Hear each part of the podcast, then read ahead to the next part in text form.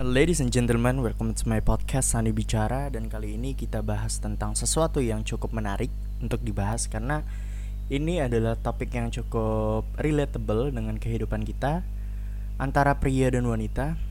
Uh, lebih spesifik dengan wanita sih sebenarnya, tapi gue cukup mempelajari juga tentang perilaku baik dari fisiologis, emosional dan lain sebagainya. Nanti kita bahas satu persatu uh, kalau kita bahas dari mukodimahnya kita memandang atau berparadigma wanita tuh sesuatu yang lemah ya gak sih?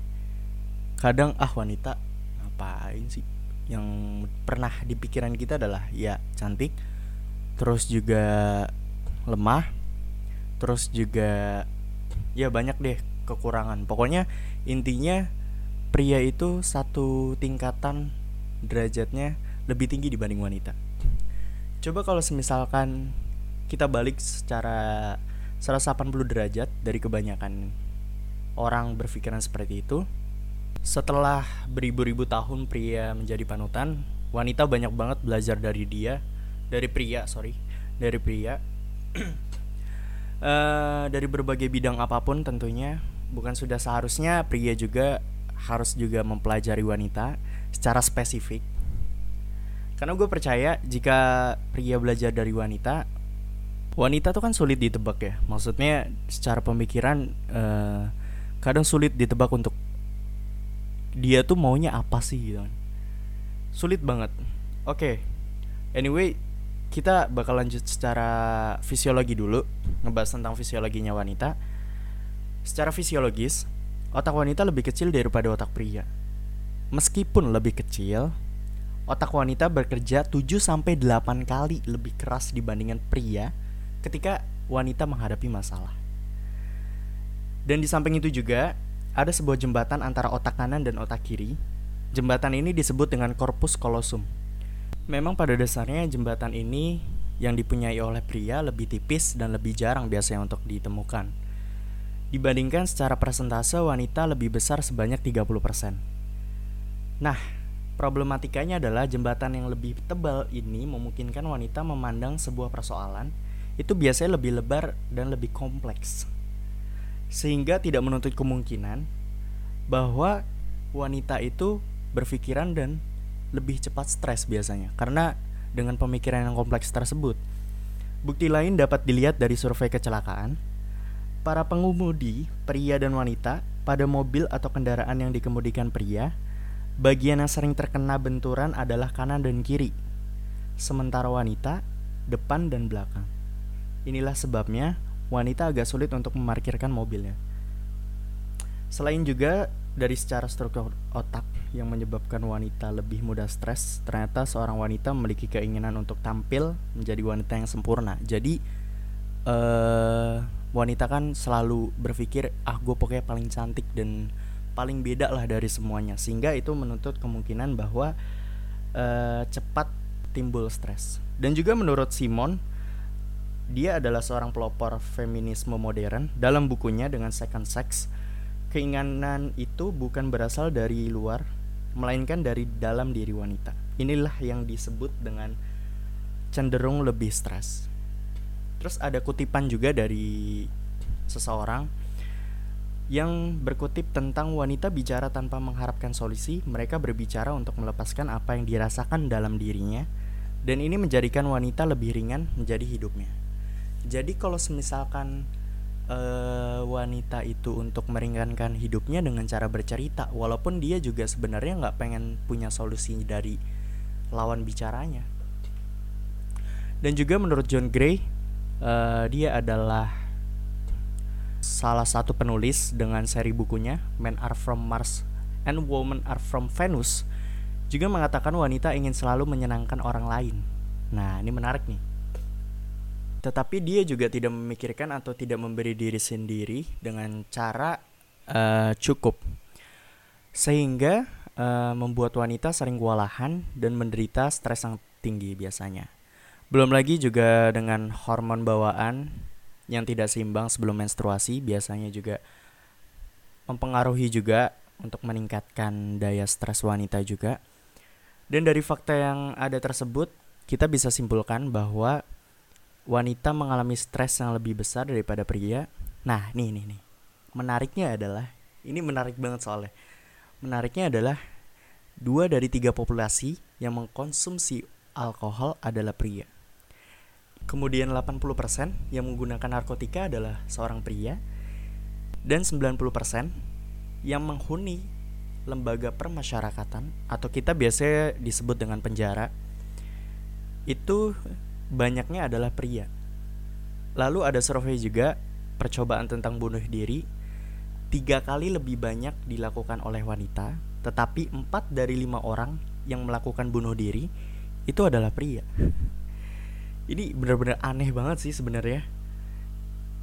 Wanita biasa yang lebih gampang stres, tapi cara pria itu emang benar-benar emang benar gila sih sebenarnya. Itulah hebatnya wanita.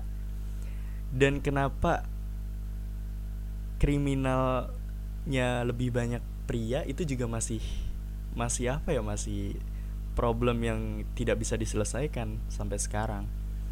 Terus juga bunuh diri lebih banyak pria itu juga wah itu gila banget sih sebenarnya.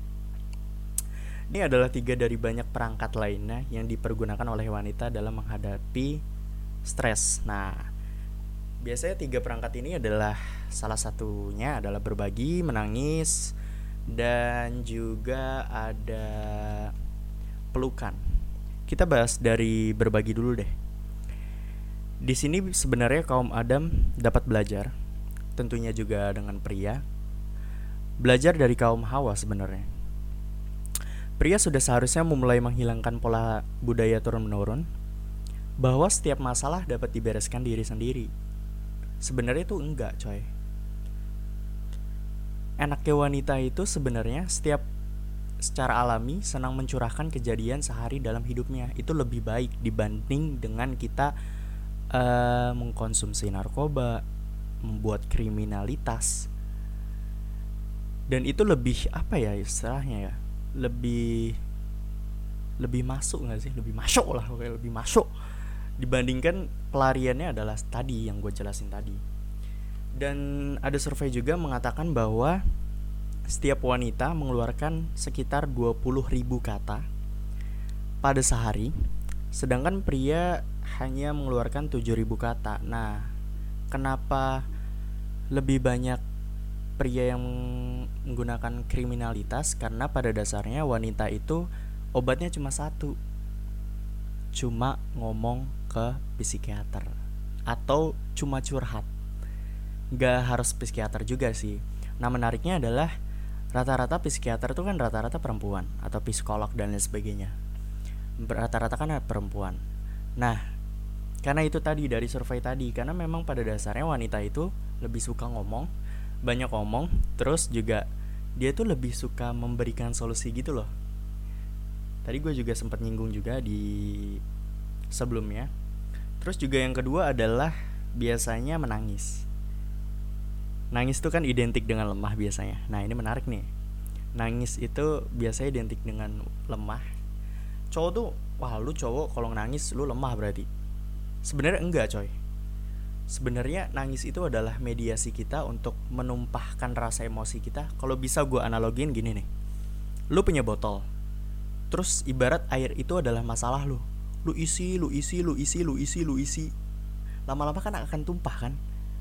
Dan akhirnya meluapkan kan? Nah itu adalah analoginya.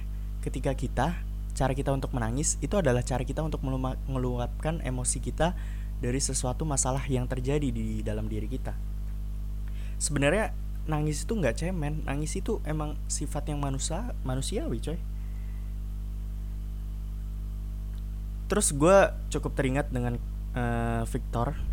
Ia adalah seorang penemu Lego terapi eh sorry logo terapi Lego terapi yang pernah dibicarakan atau pernah dipenjara di camp konsentrasi Auschwitz Seluruh keluarganya dibunuh kecuali saudara perempuannya. Dalam bukunya, Frank berkata, ada banyak penderitaan yang harus kita jalani, karenanya kita perlu menghadapi seluruh penderitaan kita dan berusaha menekan perasaan lemah dan takut.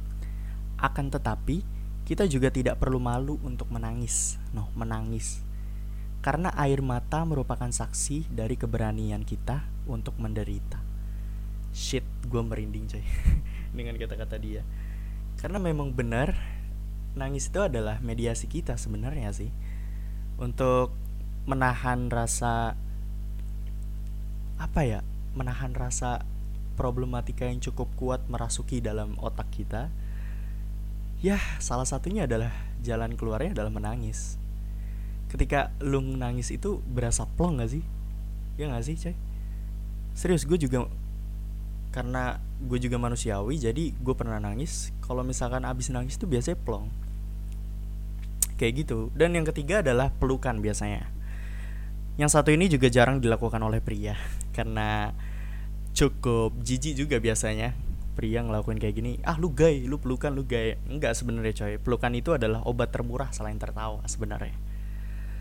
Begitu banyak penelitian tentang pelukan dan semuanya membuktikan bahwa pelukan akan merangsang hormon oksitoksin itu ada itu apa sih oksitoksin itu hormon oksitoksin Hormon oksitoksin itu adalah suatu hormon yang berhubungan dengan perasaan cinta dan kedamaian. Dan ketika keluar dan sekaligus menekan kortisol, hormon pemicu stres, itu lebih lebih tenang, lebih damai. Jadi kayak ya lebih enak lah pokoknya. Ya anyway gitu dulu. Uh, mari kita tutup dengan salah satu kutipan yang cukup enak juga untuk didengarkan yaitu kutipannya kayak gini nih. Untuk bertahan hidup kita membutuhkan empat pelukan sehari untuk kesehatan. Kita membutuhkan delapan pelukan per hari untuk pertumbuhan. Kebahagiaan kita perlu 12 pelukan per hari. Jadi memang dasarnya kita sometimes kita harus berpelukan. Ya akan terkesan alay juga walaupun tidak enak juga untuk dilihat tapi memang itu adalah suatu hal yang sebenarnya memang diperluin juga untuk diri kita sendiri. Jadi ya gitu dulu aja deh pembahasan topik kali ini. Jadi stay tune terus jangan lupa dan jangan ketinggalan untuk mendengarkan podcast Sandi Bicara. Bye bye